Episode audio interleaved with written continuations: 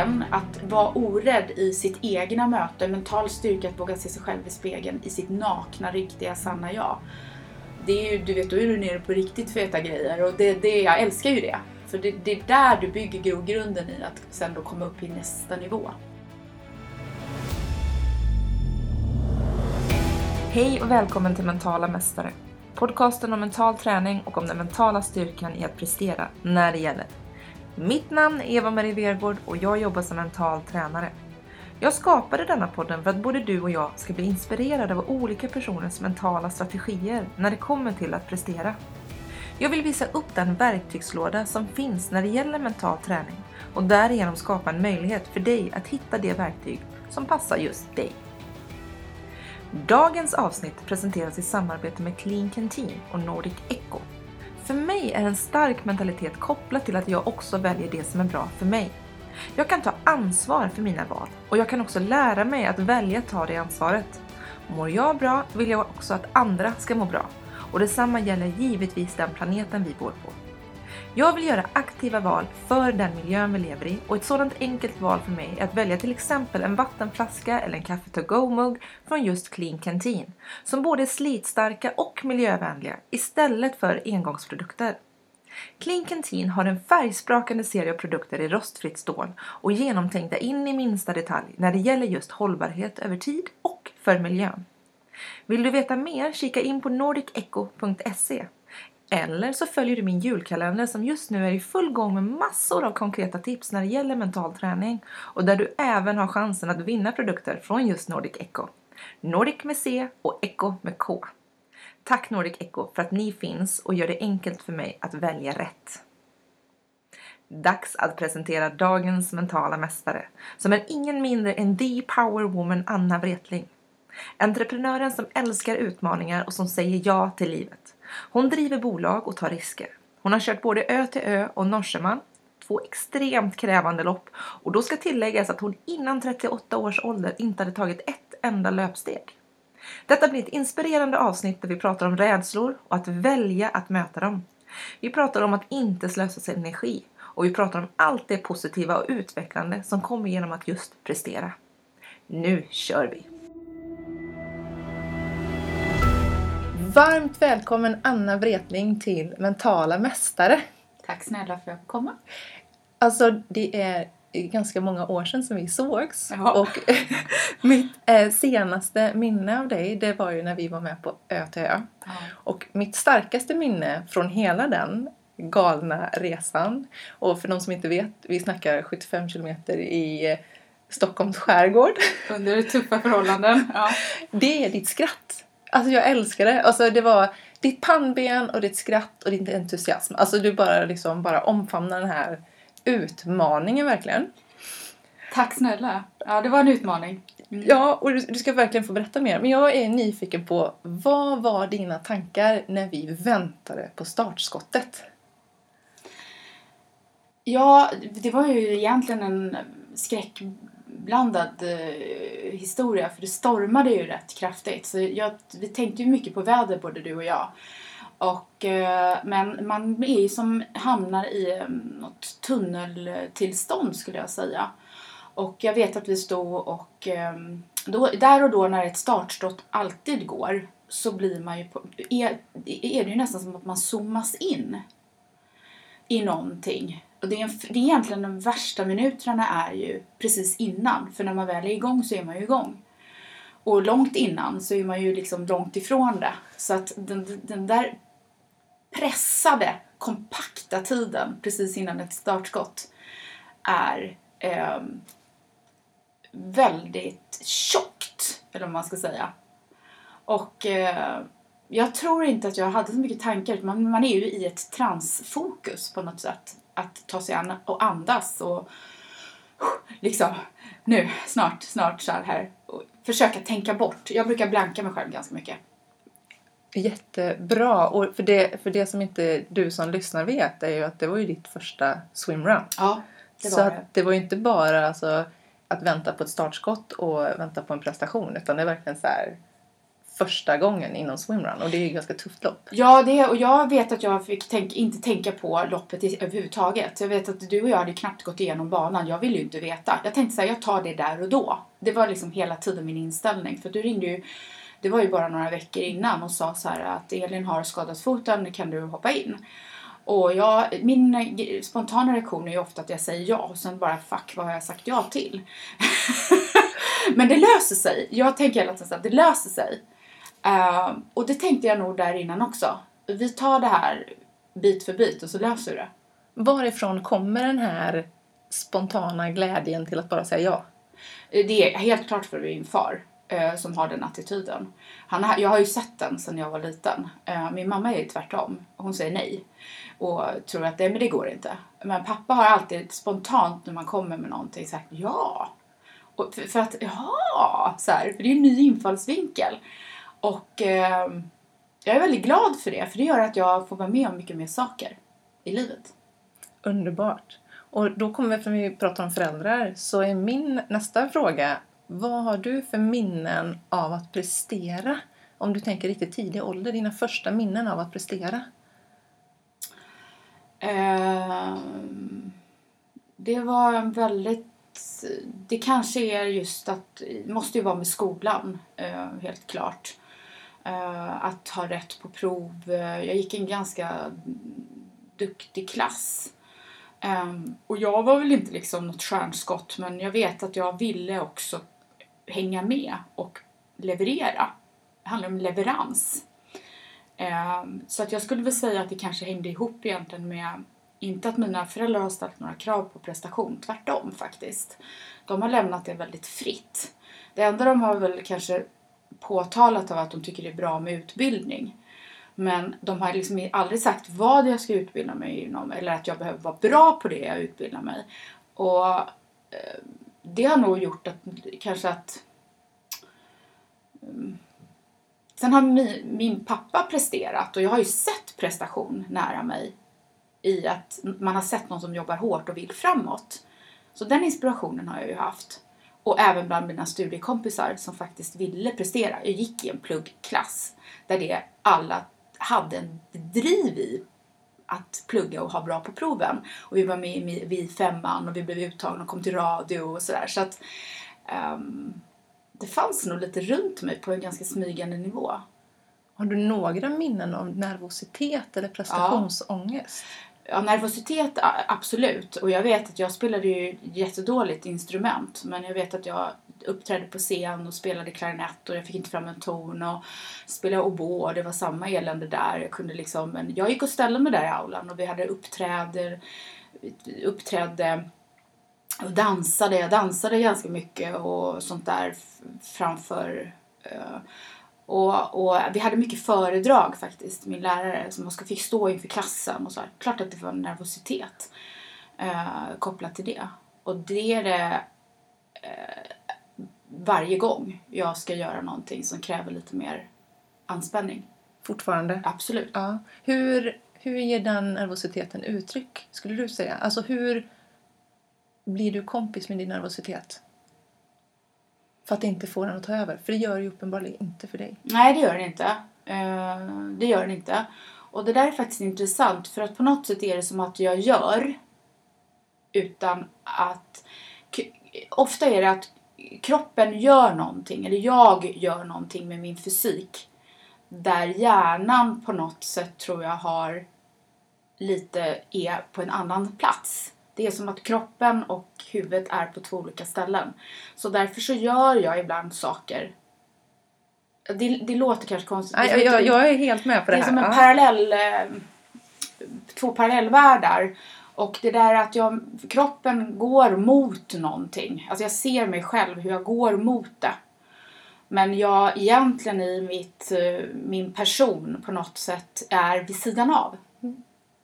Och eh, jag har en livsregel jag har liksom bestämt att jag ska aldrig bli stoppad av min rädsla. Mm. För nervositeten grundar sig faktiskt i osäkerhet och rädsla för vad ska komma. Och eh, därför gör jag saker fast jag egentligen ibland är livrädd. Jag, rädsla och nervositet har jag ibland lite svårt att separera. Mm. Eh, vad, vad är vad. Och eh, nervositeten kan jag nog hantera för att jag har bara bestämt att jag inte ska bli stoppad av rädsla. Om den inte är fullkomligt livsfarlig. Själv, ja, precis. Ja. Då, då är jag inte intresserad. Vilket bra svar. Och jag tycker om hur du förklarar, för jag känner igen mig jättemycket i det här att man nästan sätter hjärnan utanför kroppen Ja. och så bara gör man. Ja. Och så framf- och så om jag tänker på mig själv så är det verkligen så här att okej, det här är obehagligt men jag vet att det här är okej. Då, då tar vi bort hjärnan ett tag Ja. och så bara gör vi och sen så får den haka på. Mm. Och jag vet att jag hade en ridlärare när jag var yngre som sa att kasta hjärtat så följer kroppen efter. Ja. Och där är det lite Ja. kasta hjärtat så hänger hjärnan efter på Mm. något sätt ibland. Mm. Ehm, och jag har använt just det uttrycket och det gäller ju liksom bara hitta uttryck där man själv, precis som du säger, där jag själv kan generera en framåtrörelse med kroppen och ändå hjärnan inte stoppa den. Precis. Och det är det att någonting måste föregås av den andra. Och förnuftet, du kan inte bara gå på förnuftet där. För då stoppar du dig själv. Så någonting måste ju ta kommando. Och då är det någonting som, jag vet, jag känner det i mig. Det är likadant att du går på startlinjen mot någonting du ska göra. Och du vet att vad fan ska det här sluta? Jag menar inför Norseman, jag var ju så nervös så att det var, det var fruktansvärt, det var riktig ångest ska jag säga. Så att det har, du har ju olika ingångar på det, nervositet, rädsla och ångest. Och allt det där är ju egentligen en soppa. Eh, men där var det ju bara, jag gick ju som en zombie till slut. Och jag var också så fokuserad innan. Så att man blir nästan okontaktbar i zombietillståndet där man liksom bearbetar bilden av dig själv i det du kommer att göra. Och det kan ju gälla ett föredrag, ett lopp, eh, ett eh, tal, eh, ett möte med en person. Allting handlar om visualiseringen av mig själv i steget efter. Alltså vad som hände sen. Och målet såklart. Super! Och jag, kommer, jag känner bara att jag måste plocka upp massa delar här. Men vi, eftersom du ändå nämner Norseman, Mm. för jag har skrivit upp det här som en av mina funderingar. Hur du mentalt förbereder dig för den tävlingen. För där, om vi till skillnad från Ö till Ö, som ändå var lite mer inkastande i. Eh, Norseman upplevde jag att det var lite mer fokus på träning till den tävlingen. Ja, det var mer förberedelse. Ja. Hur såg den mentala förberedelsen ut? För?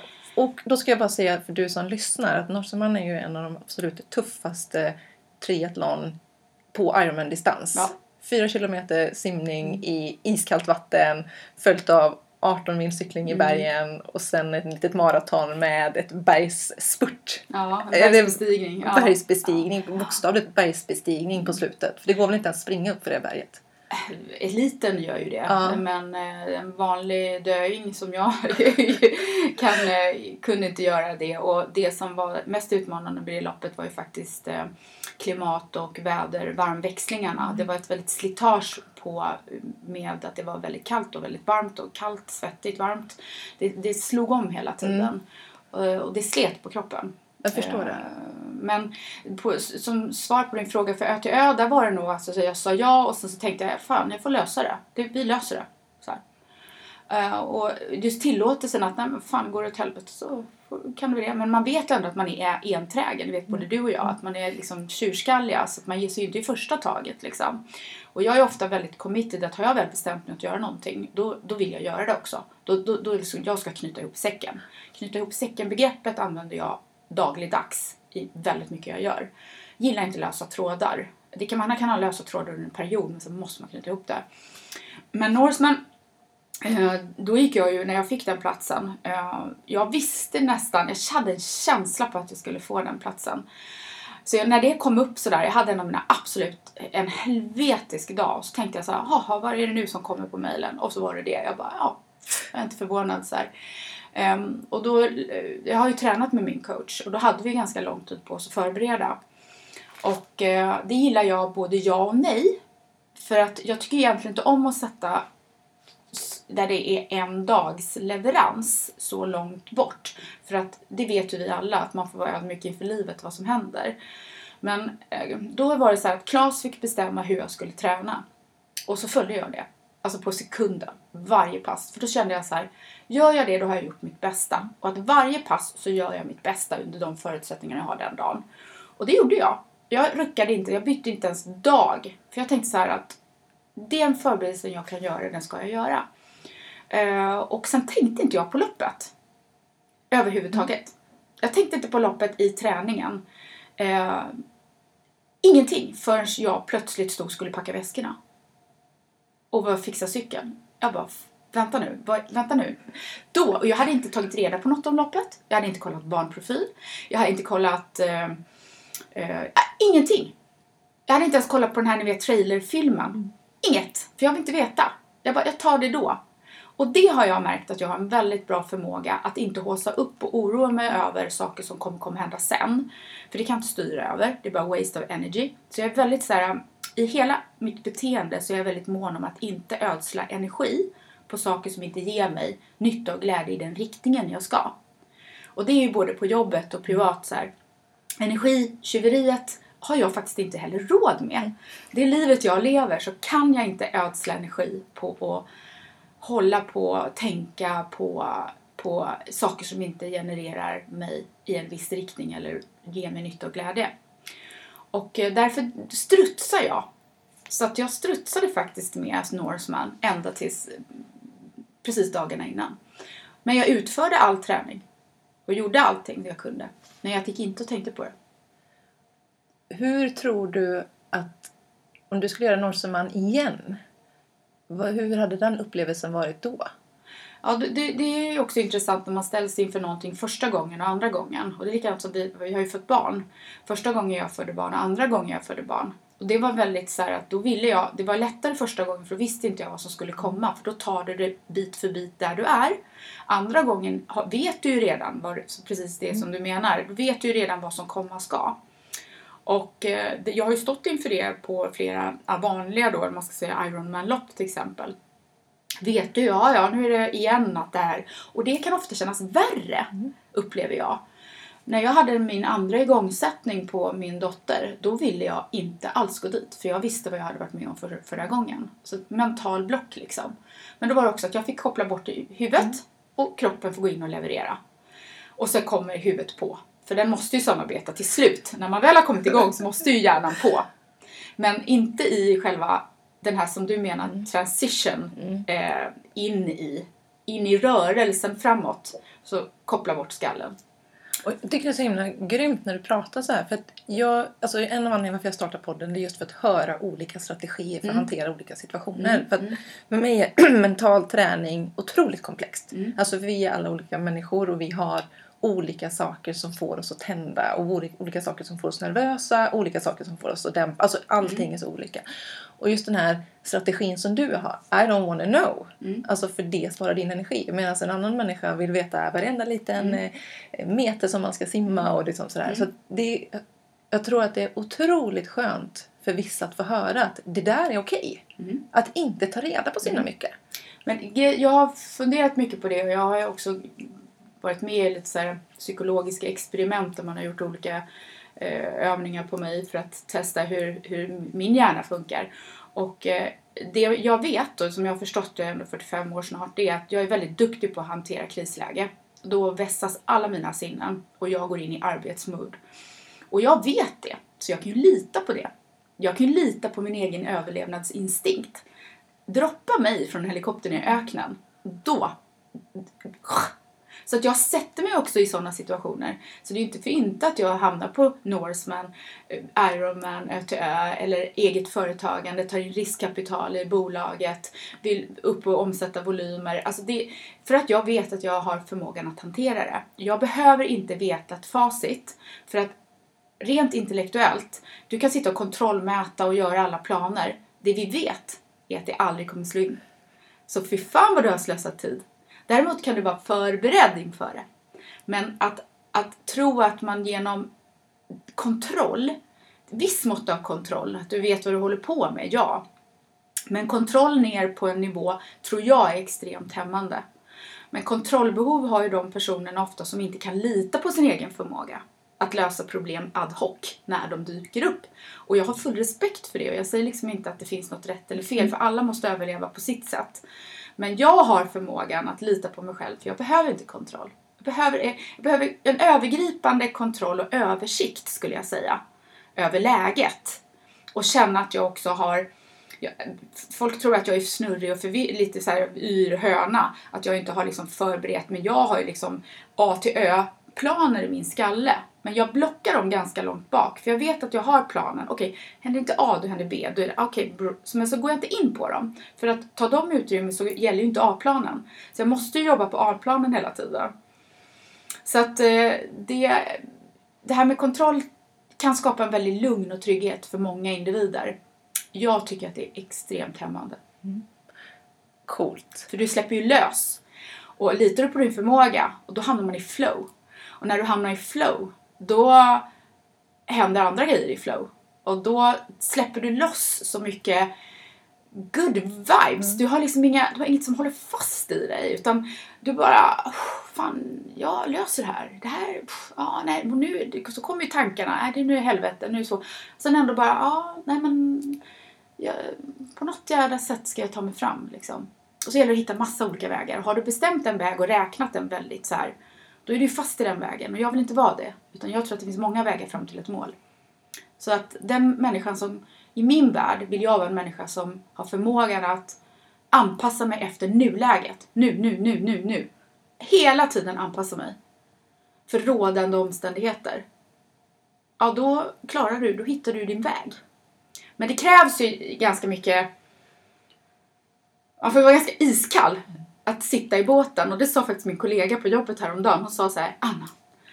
Tänk om någon som hade, suttit i, någon som hade varit i dina skor hade fått panik. De hade fått panik. Tänk om du hade fått, eller vad sa hon? Tänk om du hade fått panik alla gånger alla andra skulle fått panik. Då hade vi ju inte kommit någonstans. Jag bara, nej. För att jag tror att det handlar om att jag vågar sitta i båten. När det är kaos på andra platser, då sitter jag lugnt i båten. Sitter lugnt i båten och bara drivs framåt. Och bara styrfart framåt. Ser, liksom. Styr, hela tiden fart framåt. Du kan inte sitta i båten och sitta. Nej, utan precis. du måste liksom ha, jag brukar kalla det stadig styrfart. Ja. Så att det behöver inte alltid gå jättesnabbt. Men du har en stadig styrfart i en riktning. Så den, den tänker jag mentalt på. Jag ser mig själv i den båten som har den stadiga styrfarten. Underbart. Och en sak som jag vill lyfta fram som du är faktiskt den första. Just när, man, när jag ställer frågan om första minnen av att prestera. Då tänker ju de allra flesta, och jag menar det är ju en idrottspodd, alltså det är ju idrott, alltså idrottspsykologi och framförallt, och du lyfter fram skolan. Eh, och det tycker jag också är en viktig aspekt av mental träning. Att det handlar inte bara om idrott. Det Nej. handlar om prestationer och prestationer kan vara musik, det kan vara klarinett, det kan vara dans och det kan vara matteprov, allt. Ja. precis vad som helst. Och det tycker jag är en bra sak att du lyfter fram för det behövs mer prestationspsykologi. För det är exakt samma, det är exakt samma verktyg man pratar om. Så det, jag tycker det är spännande. Bra jobbat! Och det, det kanske vi kommer in på, men prestation är ett väldigt intressant begrepp som jag tycker ganska hamnat lite på sniskan som något fult. Medan det är något av det bästa vi kan göra. För presta, all typ av prestation, det vill säga att göra saker, leder oss i en framåtrörande riktning. Och eh, de trenderna man ser där man inte vill prestera och man kom, sammankopplar det väldigt negativt. Eller att det skulle ge oss stress att prestera. Och det, det tror inte jag på. Att själva, om man nu bara kliniskt tar bort allting som rör prestation så tror jag prestation är en av de absolut viktigaste sakerna för en människa att känna tillfredsställelse, glädje, lycka och så vidare i livet. Kopplar vi bort det och vi inte presterar, då tror jag att vi får eh, bli olyckliga. Och vi behöver problemlösning. Våra hjärnor behöver problemlösning. Och eh, då behöver du prestera för att lösa de problemen. och eh, kopplar du av det, då, då tror jag att då kommer ångest, olycka, depression och, och andra grejer. Jag tror det är en jättefarlig utveckling. Och där är det ju en rörelse. Så det är ju, mycket av det här som vi pratar om det är också kopplat till att lära sig nya saker, att ta sig an nya saker. Och så fort vi pratar om det, då är det ju en prestation. Exakt. Alltså oavsett, och jag menar det är ju, all forskning visar ju att rör vi på oss så mår hjärnan bättre. Får vi tänka så mår hjärnan bättre. Ja. Bara göra olika saker. Ja. Och prestationen är ju, jag tycker många säger ah, man ska inom idrott då, ja, man ska ha en viss tid. Eller, fast jag tycker då, då, då, då, smutskastar man prestationen för att då börjar man jämföra den med andra individer kanske. Det har, inte, det, det är inte, då har man ju tappat liksom prestationens syfte. För det handlar inte om att jämföra, det handlar om en utveckling av sig själv. då, är det, då handlar det om något annat. Och likadant när man pratar om stress ihop med prestation, då handlar inte det om prestation, utan då handlar det om andra underliggande faktorer som gör att vissa människor upplever ett samband mellan prestation och stress. Det är ju egentligen, nu är inte jag psykolog, men jag tror att kopplingen däremellan ligger på någon typ av ångest Mm. som är kopplad mellan.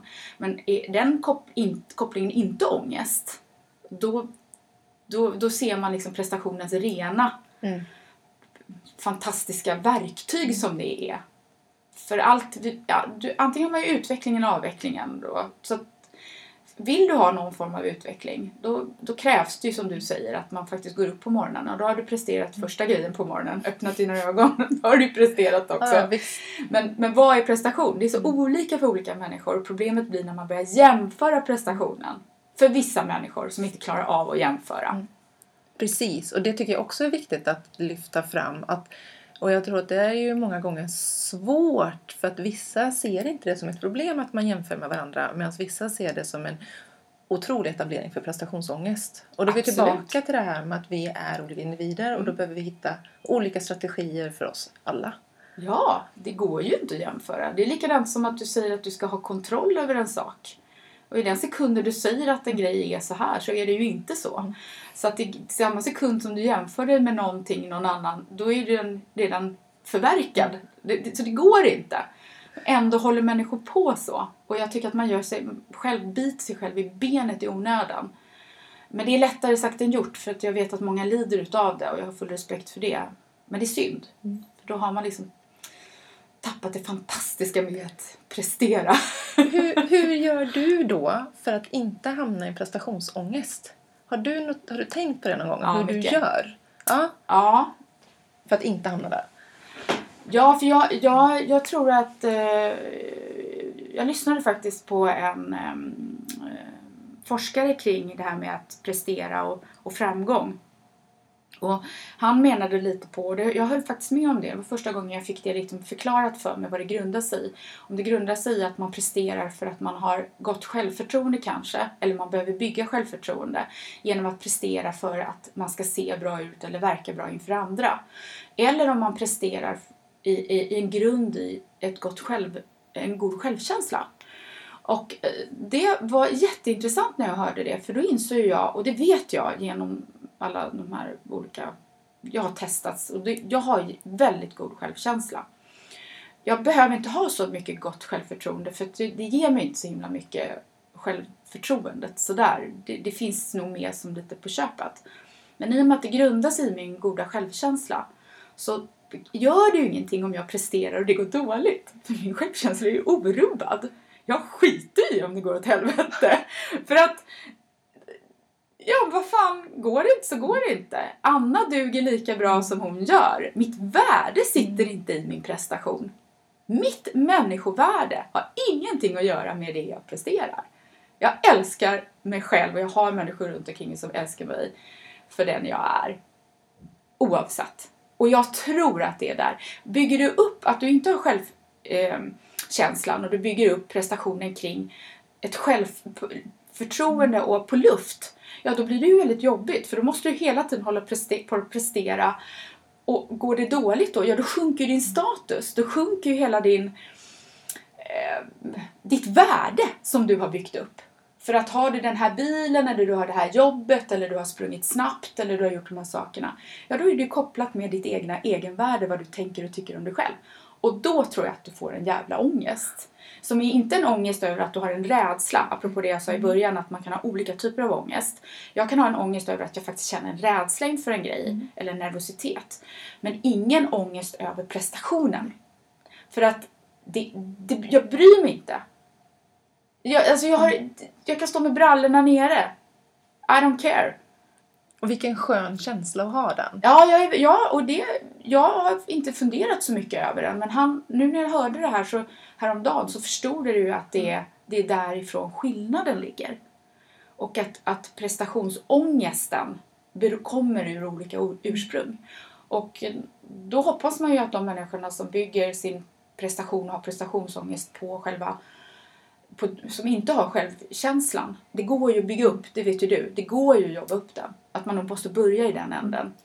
För håller man bara på att prestera, prestera mer och du ska ha, det ska bara bli värre och värre, ja då är ju cirkusen liksom, har ju, den urartar ju till slut. Tror jag. Vi har ju haft en av de frågorna på en Instagram. Vem är du om du inte presterar?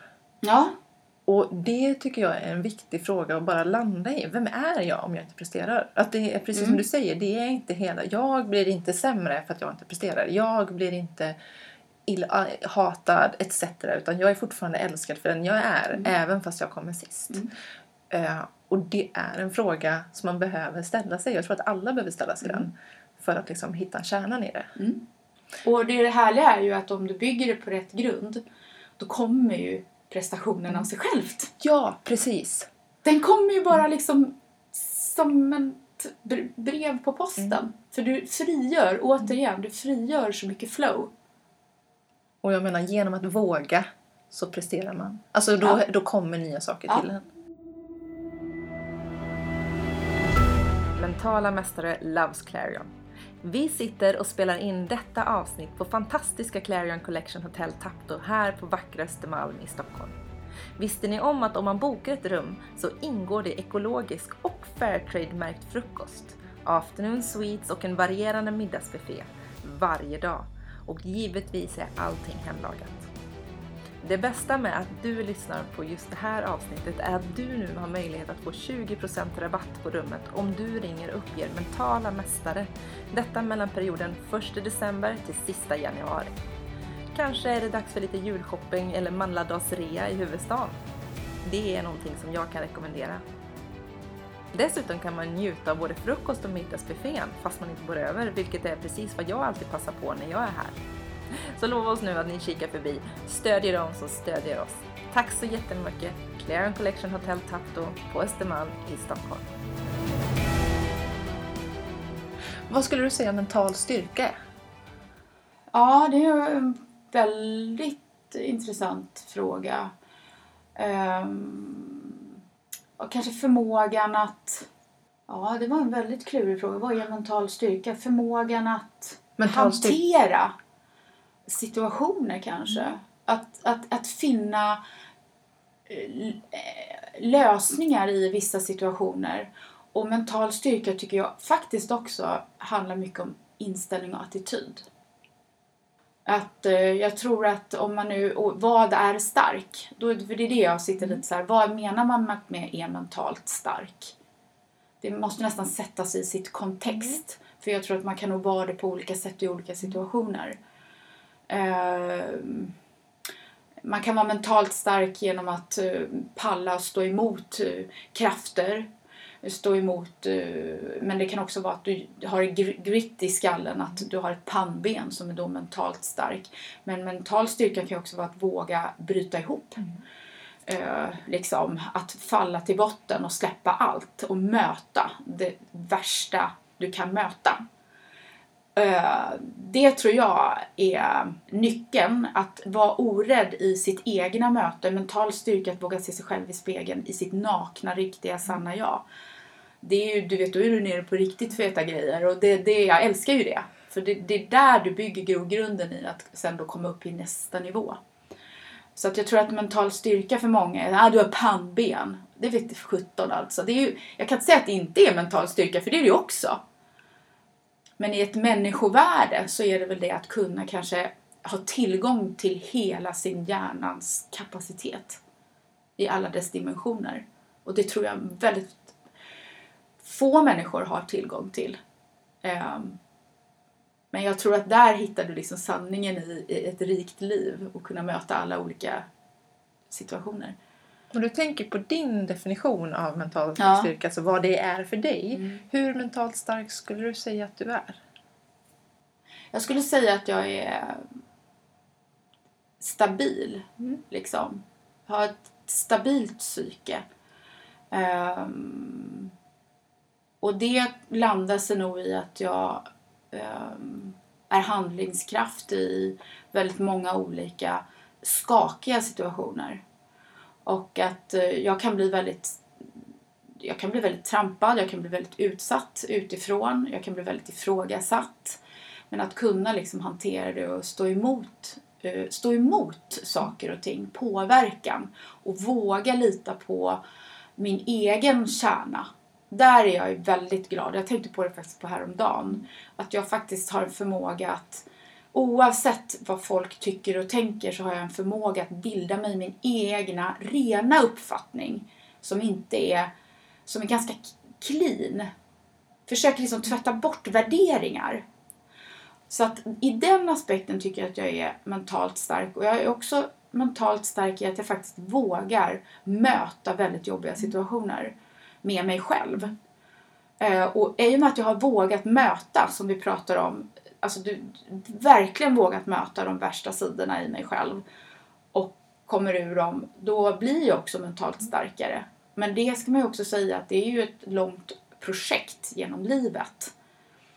Och jag, eh, att bli mentalt stark eller vad man ska säga, det är ju ingenting man bara, man kan ha grundförutsättningarna för det. Men det är ju ett ständigt pågående jobb. Och jag jobbar väldigt mycket med mitt, mitt, mitt psyke och min mentala attityd. Hela tiden. Varje dag. Jag älskar det svaret. Jag måste bara säga det. För att, och där tror jag det är någonting många missar. Och det är just att mental styrka, mental träning, det handlar ju om en process som is ongoing. Alltså mm. den tar aldrig slut. Och även om du känner dig, alltså nu är jag on top of the world, nu är jag som starkast så kan det hända saker som gör att man faller till botten. Eller energier generellt mm. behöver liksom falla ner för att kunna komma upp på hela den här biten. Och så orka fortsätta jobba mm. på det. Orka utvecklas för att få de här groparna, fallgroparna att kanske gå över snabbare eller att komma upp ur dem snabbare. Ja, och jag tror att de groparna och de grejerna jag möter, de gör ju att jag vet ju att även om de jobbar i stunden så hamnar jag ju hela tiden på en högre nivå. Och jag tror att ju hårdare prövningar du har på ett sätt. Jag, tror, jag har också så att det är inget farligt att ha hårda prövningar. Jag kan liksom nästan känna så här, bring it on. Då kan det mm. nästan tända mm. någonting i mig. Okej, okay, släng det på mig nu igen då, då. För jag har varit i så många situationer där jag är själv och måste hantera grejer där det nästan har varit övermänskligt som jag har fått liksom ta. Och jag har ingen annan jag kan fråga. Liksom, jag har inte haft det utan jag bara, okej, okay, det är någon som ska lösa det här så är det jag. Och det är också att jag har en väldigt tilltro till att jag kan lösa saker och ting. Medan jag ibland, man tror att någon annan ska lösa. Visst, man kan få hjälp och man kan få vägledning. Men till syvende och sist så är det ju ändå jag på något sätt som måste lösa det. Mm. Och även jag har tänkt många gånger så här, ja men kan inte den människan lösa det här åt mig? Kan inte jag bara få luta mig på den människan och den kan ta över och göra de här grejerna eller ta det här? Eller bara, kan jag bara få flytta mitt problem till någon annan? Men så inser jag att nej, men det går ju inte. Jag måste ju för fasen ta det här själv. Och sen så gör man det. Och då kommer ju tillbaka kickbacken på att det är likadant som man frågar vad är lycka? Som Annika Malmberg fick den frågan i någon, jag lyssnade på henne. Då sa hon det att för att känna lyck, riktig äkta lycka så måste du ha föregåtts av en ansträngning. Mm. Och jag älskade det svaret. För det var verkligen huvudet på spiken. En ansträngning kommer lycka. Eller liksom framgång då, eller vad man nu kallar framgång eller lycka. Och det, det jag, jag tror att, man, att man ska inte vara så rädd för problem eller ansträngning eller skit. För den som tar sig igenom det, men det är liksom ändå, om man, man skulle kunna välkomna, nu menar inte jag liksom att man skiter i att bli misshandlad Nej. eller, eller uh, utsatt för liksom, tortyr på något sätt eller psykisk... Uh, det, det, är inte det jag menar utan om man säger liksom normala uh, hinder men jag tycker idag är ett samhälle där man inte vill ha några hinder. Allt ska vara så himla lätt. Och vad händer med människan då när allting är så lätt? Ja, det blir ju att om det är för lätt, då har du ingen ansträngning och då har du heller inte lyckan. Så att då har man ju liksom inte fattat kopplingen med ansträngning, lycka. Så jag tyckte Annika när hon sa det, det var huvudet på spiken där. Och det går ju inte att komma ifrån att, att många segrar man har gjort, och när jag säger segrar så behöver det inte vara överst på pallen utan mm. det kan ju vara ett seger, en personlig seger också. Det är ju när man har fått kämpa som allra mest, det är då den här segern smakar som allra bäst. Mm. Precis det hon säger. För det är ju liksom en nyckeldel. Mm. Och det, då måste man ju utsätta sig för det här. Vilka mentala spärrar skulle du säga att du har jobbat igenom genom livet? Har du några exempel? Ja, um, jag hade en period där jag kunde känna att jag var rädd för saker och ting som hindrade mig. Ehm, jag kunde också under en period ha eh, där jag hade lite mer bevara-tänk och ville att saker skulle vara som de var. Ehm, jag hade också en period där jag nästan kände att bryter inte jag det här tankemönstret nu så eh, kommer jag bli bitter. Det vägrar jag. Jag vägrar bitter. Och, eh, så att jag har mött många grejer där jag har identifierat vart jag är på väg. Och bara, Anna det är du. En oro hade jag när, jag vet när barnen var små så kom det ibland in en typ av oro som tog energi, som inte ledde någonstans positivt. För oro leder ju aldrig till något vettigt överhuvudtaget. Det är ju också återigen bara waste Energi. of energy for nothing. Och eh, där vet jag att där gick jag in och bröt det mönstret på en gång. Jag hade också en riktig, vid något tillfälle, liksom en väldig rädsla för att något skulle hända mina barn. Och då kände jag så att går jag och göder den där tanken då, då göder ju jag det, att det kommer hända liksom. Så att jag läste faktiskt en bok som jag förstod direkt, bara på ingressen, sen behövde jag inte läsa mer, att eh, det, det är ju liksom att vad du tänker, det händer. Och då bröt jag. Jag har väldigt lätt att liksom bryta, klippa. Bara för att jag insåg att det här är fullkomligt farligt. På riktigt farligt. Att gå och göda negativa tankar. Då göder du alla de negativa partiklarna, då kommer du hamna där. Så att jag, så fort det kommer upp i min skalle nu, så klipper jag det. Och jag bara gör det, klipper. Jag får inte tänka, den vägen får jag inte vandra, stänger den dörren, ner, lås, boom. Måste gå en annan väg. Och det jobbar jag med varje, hela tiden. Nu kommer ju det mer per automatik för att så fort det kommer en sån obehags... Typ att oj, eh, alltså, jag vet inte, man, man kan ju hitta på vad som helst. Jag är rädd för att det här ska hända. Vägled bort, Mm. stäng den dörren, andas. Jag tillåter inte ens Börjar jag formulera det som typ i munnen, fast i huvudet fast i munnen, det går ner från huvudet neråt mot strupen, då är, det får aldrig komma dit. För då har det liksom nästan blivit en sanning. Och jag vägrar ha sådana sanningar. Förstår du Mm, vad- mm, vad jag menar? mm. Så jag har ett, ett, ett, jag tänkte faktiskt på det själv, att jag har nästan som på en båt. Mm. När, om den håller på att sjunka så åker den för sån här, du vet, dörrar, sån här eh, slussdörrar. Så den slussdörren bara dammar igen så fort det där kommer. För jag får inte gå där. Och det jag tänker här, för jag tänker på mindfulness har ju börjat komma upp Ja. ännu mer inom idrottspsykologin också. Eh, när du stänger dörren, hur gör du för att de inte ska ansamlas? För man pratar ju om mindfulness och det är väldigt mycket liksom att du, du tittar på det och sen bara okej nu får du flyga iväg. Ja. Har, du, har du någon mental strategi där nu när du stänger dörren? Att det, liksom, att det bara är som en Det liten... bara försvinner. Alltså Ja. det är som eh, last det försvinner. eh, som bara... Ja. Det försvinner. Jag har faktiskt en, jag har det ibland, jag har tänkt på det, jag har eh, en, det är som en hand som Mm. kommer upp som jag ser. Som, Mm. den, vet inte, konstig, en vit hand. Den, den föser bort det. Mm. Jag ser liksom handen kommer. Ja, där kom du. Hej tanken. Hej då tanken. Mm. Och det inom lopp till exempel, vet, man är trött och utmattad. Då kommer ju mycket demoner eller sånt där.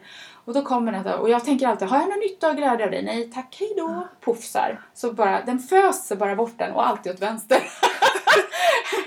så att jag vet inte, det är någonting så här bara. Jag ser den, noterar och sen bort med den bara. Ja, den som lyssnar så tror jag att det kan vara en bra bild att få se. Att det inte Mm. handlar bara om att stänga dörrar utan det handlar också om att liksom släppa taget. Och jag du ja. Och sen acceptera. Jag vet att det är där det kan komma igen. Ja. Du vet du på ett lopp. Du kan, åh gud vad jag är trött. Ja, tack, hej då. Så, här. så att jag är liksom inte ovän med de där tankarna. Eh, Liksom jag, det är inte så att jag, åh nej, jag vill inte ha. De är ju där. Vi är ju människor. Vi har ju ett... det- Allting snurrar ju i våra skallar. Så att... Eh, jag är nog inte rädd för att de dyker upp. Men jag lägger ingen större vikt vid det.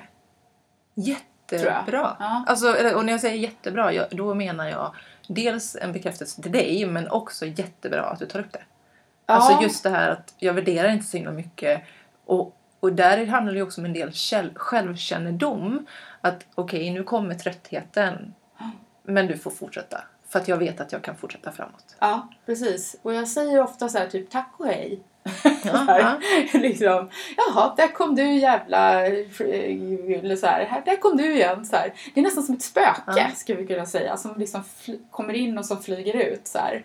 Och där är också, jag har ju no- tips till några och det här är också så hur man hanterar det. Ja. Att skriva ner vissa av sådana här Mm. tankar och sen bränna upp lappen. Ja. För det blir så konkret. Mm. Alltså om man inte har förmågan att kunna liksom Mm. bara slänga iväg det så kan man också Mm. formulera rädslan Mm. eller formulera Mm. bitterheten och sen bara, fast jag bränner upp den här och så Mm. väljer jag liksom att borta. Mm.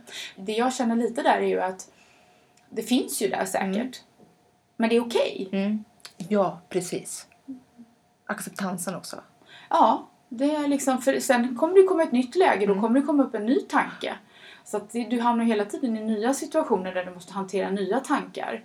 Och då måste man ju av, har du, jag har alltid det här, Anna, har du någon nytta och glädje av det här? Ja eller nej? Och är det nej, då är det ju bara bort med den. Liksom. Eller bara, det är lätt, låter lätt att säga. Men då har jag, och det här har jag övat på. Man kan säga, det här kommer ju, jag övar ju hela tiden på det här. För att jag vill inte behand, beblanda mig med det.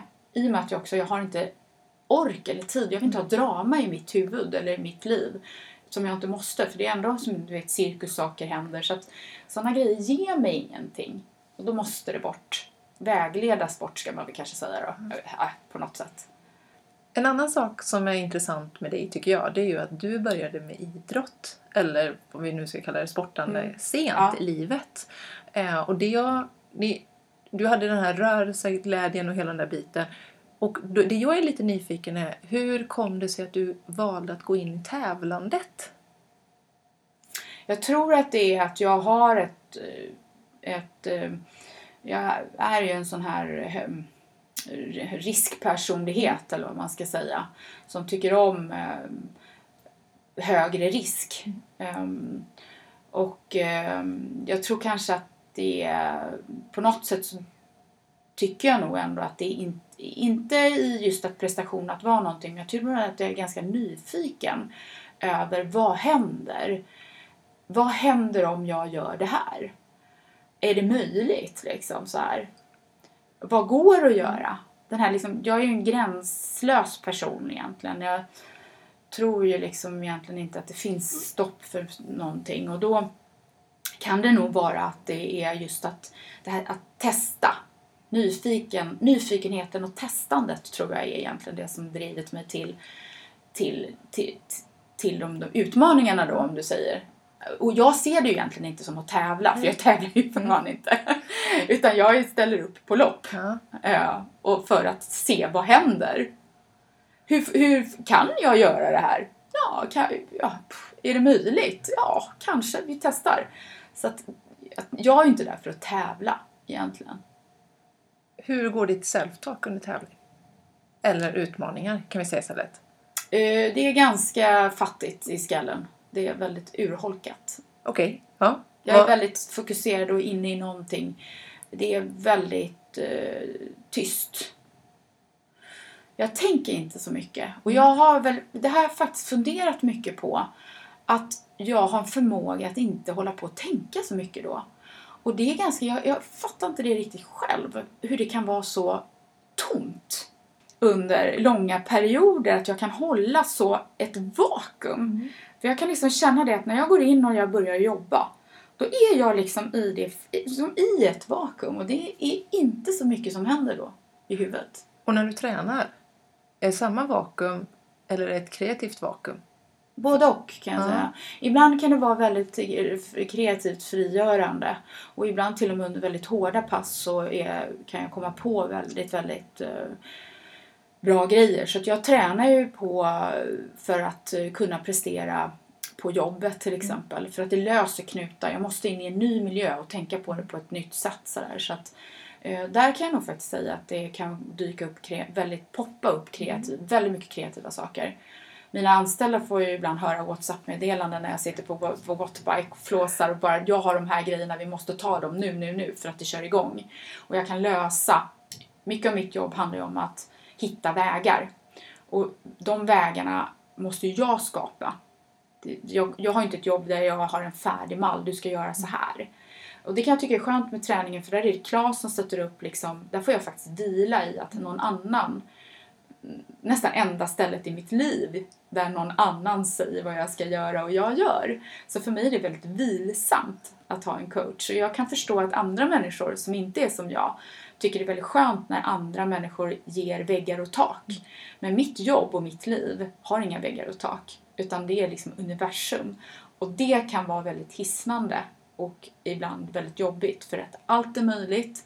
Det är bara det mig det hänger på att hitta vägen i universum. Hur prioriterar jag? Och så vidare. Så att eh, där gäller det verkligen att inte ha för stora tankar samtidigt som du ska ha stora tankar. Så det brottas jag lite med, den biten. Mm. Att liksom, hur famlar du i rymden och hittar din väg? Det är liksom att lägga ett pussel. Men det är också där på något sätt jag nog trivs. Mm. Men ehm, i en tävlingssituation, för att knyta upp säcken till din fråga, så är det nog ganska... Eh, jag har förmågan att stänga av tankarna. Och hur går då? Har du någon strategi för när det blir tufft? Alltså för där säger du liksom bara nej men du får försvinna bort. Mm. Så är, är det strategin Ja, du har det. när det blir liksom tufft? Ja, dels så gör jag ofta lopp som är tuffa, men eh, jag tillåter inte mig själv att det ska dyka upp. Alltså göder jag tanken att nej, nu är det jobbigt, nu gör det ont. Det ger mig ju ingen återigen nytta och glädje, så då föser jag bort de tankarna. Jag kan inte tänka på dem. Jag måste tänka de tankarna som leder mig i rätt riktning. Och då får jag hitta på saker som leder mig i rätt riktning. Kan jag inte hitta något måste jag hitta på något. Okej, det är det här, det är det här. Tänk det, tänk det, tänk det. Och jag märker att jag har ett ganska repetitivt tänkande när det är riktigt... Nu när jag var i Turkiet så var det väldigt varmt och det fanns ingenting att dricka sista delen på Ironman. Och det fanns inga svampar att kyla ner. Och det blev väldigt slitigt liksom. Och där märkte jag att där fick jag faktiskt jobba med, för där, det var inte roligt. Jag bara hell. Alltså det var där nere när man började här. Vad fan håller jag på med? Vad fan är det här? Vilken jävla skit. Alltså vad, öh, du vet de här. Då, då- måste du verkligen mota Olle i grind alltså. Och då fick jag ju börja tänka på andra saker. Och då var det enda som gick så här. "Hå- Häng i nu Anna, häng i nu Anna. Jag vet inte hur, jag måste sagt det en miljon gånger i huvudet. Häng i nu Anna, häng i nu Anna. För att det är positiv riktning. Häng i, Ja. istället för att börja klanka på mig själv. För jag är inte intresserad av ett självdestruktivt beteende. Det kommer inte hända. Och jag, för när du säger det här med att göda det negativa. Hur göder du när det positiva kommer? Har du, alltså, för, för oftast i sådana här långa loppen, Mm. alltså, har man varit ute så många timmar så vet man att det går upp och det går ner. Mm. Men har du någon sätt att att konservera den härliga känslan för att kunna använda den längre in i loppet? Har du funderat på något sånt? någon Nej, det gör jag inte. Men däremot vet jag att jag hela tiden har förmågan att hitta... För det tror jag kommer från min pappa. För att han, vi har, jag är uppvuxen med att alltid se det positiva i saker. Hitta, liksom, det finns ju alltid bra grejer. Alltså snart är du framme, snart har du klarat det här, nu är du snart över mållinjen. Håll i nu Anna. Ja men snart kommer vätskestationen. Alltså man äter inte hela elefanten utan hela tiden se positiva saker. Jag, jag, jag, under lopp, jag tänker väldigt sällan negativt. Det kommer, försvinner bort, men så är det det positiva som jag matar, matar, matar. Så jag tjatar. Och det kan vara till slut som det här nu. Häng i där Anna, häng i där Anna. Och, då bara, är det, och så brukar jag, tänkte jag där, jag bara, är det någonting du kan så är det att springa. Så här, håll ihop nu i löpet, håll ihop nu i löpet. Så här, är det någonting du kan, du kan springa. Lita på din förmåga att springa, lita på din förmåga att springa. De grejerna bara nötte, nötte, nötte. Eh, och det höll ju. Jag sprang ju in fem minuter på den eh, på förberäknad tid liksom. Och ökade sista snabbare ända in i mål. Och verkligen ha den förmågan att hitta när jag behöver det här och fastna i det mantrat Ja, man istället för något annat. Jag anser ju också att man, man väljer faktiskt vad man tänker. Och det kan alla människor göra för att jag väljer vad jag tänker. Så att det är liksom inte, du, du är inte född att tänka negativt. Verkligen inte. Mm. Eh, och sen om du har negativt tänk, vilket jag förstår att negativt tänk finns, så kan man, man kan jobba bort det. Jag är inte född annorlunda än någon annan. Jag tror inte man är född negativ eller positiv, utan jag tror att det handlar om ett medvetet arbete. Och då är vi tillbaka till det här att mental träning är träning. Ja, gud! Alltså, och verkligen, verkligen gå in i att om man nu har ett tendens Mm. till negativt tänk, att verkligen ge sig själv, vad skulle jag kunna tänka istället? Ja, det, det ju, man måste jobba på det. Mm. Och det går. Det fina är ju att det går. Och då kommer vi egentligen in på ditt, ditt företagande, Ja. Power Woman. Eh, som jag tycker genererar en otrolig styrka till de som bär kläderna. Mm. Att det blir... Det händer någonting i kroppen när man tar på sig ett plagg som genererar styrka. Alltså Mm. som är styrka. Och jag vet ju att du ser... Alltså jag, när jag har onlineutbildningar så jobbar jag bland annat med totemdjur. Och där är ju, du ser ju dig själv som ett, liksom ett, en kattdjur. Mm, Alltså verkligen den mm. här bilden. Och jag tror att det kan också vara någonting som verkligen genererar styrka. Så min fråga här egentligen, innan vi går in på Powerwoman mer, det är använder du det i prestationsögonblick någon gång? Mm. Alltså där du liksom går in Ja. i ditt totemdjur? Ja. Eh, Var, var det okej att Jätteofta. säga Ja, ja, ja, ja. Nej, jag förstår precis för att jag, är, jag ser mig själv som en urkraft. Mm. Och jag ser, mig, jag ser själv djuret. Och ibland när jag står på start så, så känner jag ju djuret. Mm, Det, mm. det är djuret som jag är i. Det låter så himla... Ibland, folk kan väl skratta åt det, men det är definitivt den där liksom eh, jaguaren som jag har. Eller ibland är det en panter, men oftast... Förut var det en svart panter, nu är det en jaguar. Mm. Ehm, den, är, den är med mig nästan varje dag, ska jag säga.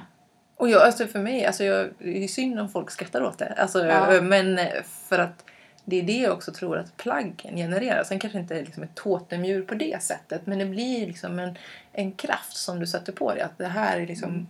Mm. Eh, och istället mata sig med styrkeupplevelser. Mm.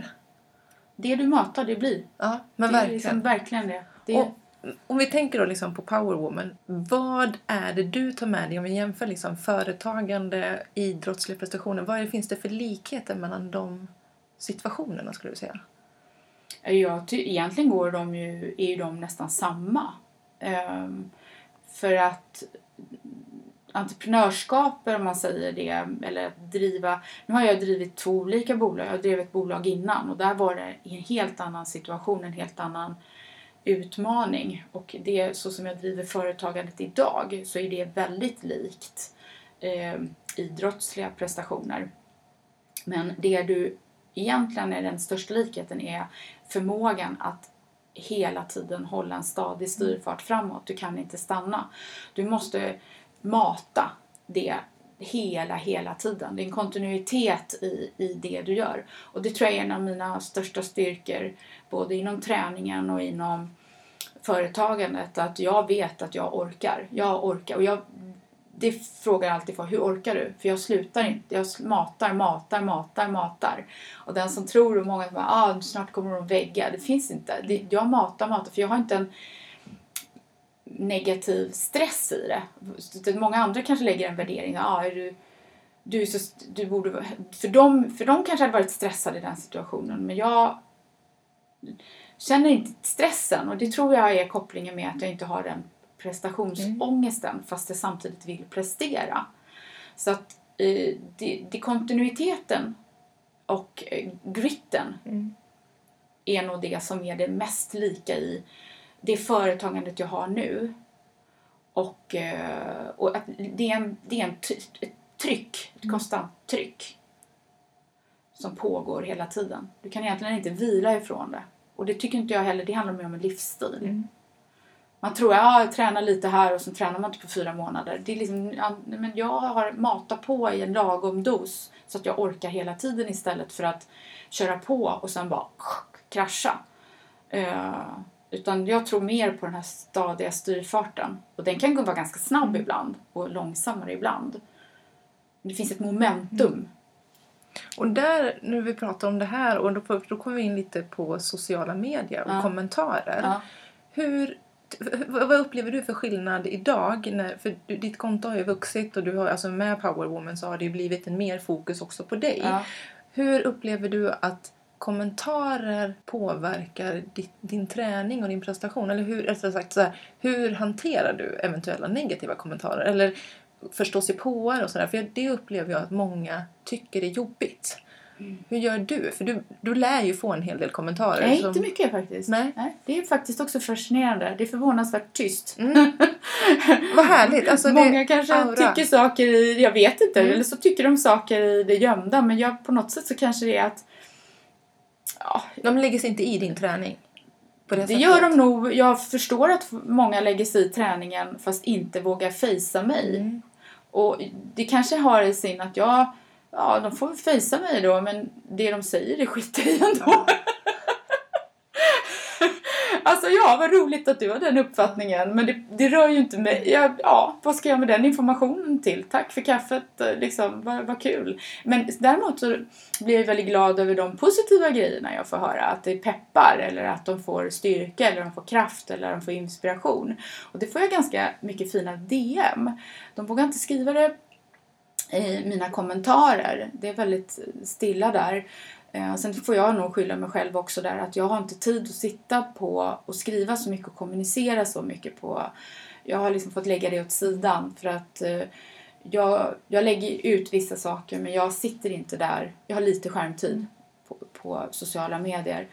Eh, återigen, jag älskar verkligen alla de positiva kommentarerna jag får. Jag tycker faktiskt att det är mer positivt än eh, negativt. Jag tror att det negativa finns där ute och jag förstår vad det, att, vad det är och ibland, ibland. Folk tycker hit och dit men ehm, det är inte så ofta någon vågar attackera mig om det. Och där tänker jag att du är inne på det som du redan har varit inne på innan. Vad är det jag när? För ofta så är det, när jag pratar med folk, så när man till syvende och sist så kanske det är en negativ Mm. kommentar. Nu är det ju framförallt inte på sociala medier som jag pratar om utan generellt. Men det kanske är en negativ kommentar på tio. Alltså, och det kanske kan vara 20, 30, 40. Så där är det ju också att jag väljer att se den positiva mattan, alltså massan och inte den här negativa kommentarer. Och För det låter ju mer som att du väljer att se men allt det här är positivt. Sen kanske det är någon som säger något negativt. Men det, det liksom låter jag gå. Ja, men det, är alltså, det finns ju alltid folk som tycker negativa saker. Men det får man också tänka på att de kan ju tänka negativa saker av, av deras egna anledningar. Vad är anledningen till att de tycker och tänker det? Det har ju sällan med mig att göra. Utan det handlar ofta om att jag kan trigga någonting i deras egna person. Som liksom... Eh, eh, säkert någon sida som kanske... Att jag presterar till exempel. Eh, det kanske liksom någon tycker är jobbigt för de vill prestera. Och så skapar det ångest hos dem. Men, men eh, det, det, jag kan ju inte gå och ta på mig eh, det. Det, det går inte, då går man under. Så jag är ganska så distanserad ska jag säga till vad andra människor har för åsikter. Och när det kommer till företagande, folk har så mycket åsikter också. Och jag är väldigt hårt prövad på olika håll. Och eh, skulle jag lägga tid och energi på det då, då skulle jag faktiskt, då, då går man under. Och jag vill inte det. Så att jag väljer nog att ha en distans till det. Och du är tillbaka där, du väljer. Ja, man Jättebra. väljer. Ja, jag Jättebra. väljer. Och jag tycker sociala medier är ju liksom en konstruktion. Det är ju ingenting att lägga vikt vid. Vi ska försöka wrappa upp Ja. den här lilla Mm, säcken. mm. Så att frågan är, har du någon fråga som du skulle vilja lyfta i den här podden? Ja, vi har ju, du har ju ställt eh, jättefina, eh, kluriga frågor. Um, det enda jag tänkte på är, jag vet inte, när du möter andra personer, hur eh, mycket du anser att vad ska jag säga, föräldrarna har betydelse i deras attityd och förmågan att ta sig framåt. Det har jag funderat en del på. Det där är en jättespännande fråga, för jag tror att det finns många svar på den. Dels med det här, om vi, tänker, om vi tänker framgång och vi tänker hela den där biten, så finns det ju de som trots en fruktansvärd bakgrund ändå kan, alltså ändå kan prestera. Eh, och att många av dem kanske snarare säger att det är tack vare att de hade den här tuffheten. Alltså det är lite som du har varit inne på innan också, att man, om det bara är smooth så kanske det blir för smooth. Samtidigt så kan man ju möta dem som haft jättestöttande föräldrar som har verkligen hjälpt dem och de har ändå nått en hög framgång. Om vi, om vi pratar om framgång liksom, eller om vi pratar om prestation och våga och ändå kan nyttja det. Så att i egenskap av etolog så är ju detta jättesvår fråga att svara på. Vad är miljö och vad är arv? Vad är, hur mycket har föräldrar egentligen, kan de göra för att skapa en bra grund? Och jag, du har ju två barn så där är det jättespännande att se vad finns det för likheter? Vad har jag för... Vad, hur väljer jag att bemöta olika situationer? För jag är ju övertygad om att jag behöver möta olika individer på olika sätt. Mm. Så en individ kanske behöver mer motstånd för att kunna växa. En annan individ kanske behöver att curlas mer för att kunna växa. Och det tuffa för mig som förälder, vil- vilket är kanske helt omöjligt, I don't know, det är att se vad är det min individ behöver. Mm. Hur, hur går dina tankar där? Nej, jag håller helt med dig. Du kan ju inte möta en, en och samma människa, eller två olika människor med samma metod. Det funkar ju inte. Nej. Och olika människor behöver olika förutsättningar, helt klart. Men det jag tänker på är också det här det egna ansvaret. För jag tror, vet inte om du möter det, att man vill skylla på något annat eller att någon annan ska... Att många, jag förvånas över att många inte förstår att de själva faktiskt har makten över sina egna tankar. Möter du det? Absolut, och jag fick en fråga här i podden alldeles nyligen just liksom, alltså, hur mycket kan vi pusha och hur mycket kan... Och jag menar, där är ju ändå att till en viss del så är det ju upp till mig. Om vi, om vi tänker nu mental träning som ett exempel. Mm. Att om jag ska få någonting gjort så är det ju upp till mig. Jag kan inte låta någon annan göra det åt mig. Men där är det ju det, det svåra är ju just att liksom få folk, eller inte det svåra, den härliga utmaningen det är att få folk att förstå att du har ett ansvar. Men vill, varför, varför fastnar då ibland den här negativa spiralen i vissa människor? Att man liksom inte kan ta sig ur det eller att man, är det för att man inte vill det tillräckligt mycket då? Eller vad, vad, Jag tyckte det var intressant när du sa det här med bitterheten. Mm. Att jag vill inte fastna i bitterheten, alltså tog jag mig bort från det. Och, och där egentligen en följdfråga från min sida var vad, vad var det som gjorde att du tog bort från bitterheten? När det finns så många människor som fortsätter att välja att sitta kvar i bitterheten. Fast det är att jag, har- jag har ju gjort många aktiva val hur jag vill leva Mm. mitt liv. Det har ju liksom, för det första får man ju ta bestämma sig då. Mm. Jag vill leva ett liv så här. Jag har ju också gått igenom en separation för att jag vill inte leva så här utan jag vill leva det här, så här, vill, sådana här känslor, så här vill jag må, så här vill jag ha det i mitt liv. Och jag, mitt liv, jag vill ha glädje. Det är det viktiga. Jag vill ha, alltså jag är inte glad varje dag men jag vill ha livslust, livskraft och glädje i, i mitt och, och i de, den utsträckningen jag kan välja det så gör jag det. Och de vissa som alltså, drivas av hat, hämnd, eh, elakhet, bitterhet, svartsjuka. Jag har ingen svartsjuka, ingen missunnsamhet och det där det har jag verkligen inte. Det är liksom ingenting jag säger. Jag har ingen, att jag inte unnar någon annan människa gott. Men drivs du av de monstren eller vad man ska kalla det, göder det de tankarna. Det, det är liksom sånt som jag, jag vill inte, det är ett akt, jag vill inte, det hör inte hemma i Anna Wretlings liv. Jag hör hemma i en annan, jag, som jag vill återigen leva. Med glädje, harmoni, att vara glad för andra människor och sånt där. Och det låter så jävla klyschigt bara för att det är i samhället nu. Men det har, det, så har jag alltid varit. Och där tror jag du har en, en nyckelgrej. Där, för jag, jag tror att de som kanske hamnar i det där, om vi ska säga träsk, för det blir ju som ett träsk. Ja, det är ju De hemskt. kanske inte ens vet att det finns ett val. Möjligt. Det var det jag tänkte. Det är det jag Ja. undrar också. Så här, att man, förstår man att man faktiskt själv har valet? Det du göder, göder man missunnsamheten? Göder man att man tycker att någon annan är snyggare eller bättre? Eller varför ska den ha det? Varför har jag inte det? Och så här. Ja, går du och göder det, då är du som sjutton att det... Och det är det jag menar med att jag i det här law of attraction-tänket då Mm. som jag stenhårt, Mm. verkligen stenhårt lever efter. Då är det mitt val. Att kommer, nu kommer inte sådana tankar för jag har liksom inte egentligen varit där. Men eh, jag väljer att göda gö, Apropå på mitt lopp eller med företagen eller vad det är. Jag tänker hela tiden att det ska gå, att det ska gå. Vart vill jag? Men då måste man också på något sätt målformulera. För då märker jag att jag kan ju inte tänka bara någonting som jag inte vet vad jag ska tänka utan jag måste ha ganska visuella bilder som jag göder. Så att jag går ju och hittar på då de här målformuleringarna som jag liksom styr min tanke mot. Så det måste man ju aktivt göra.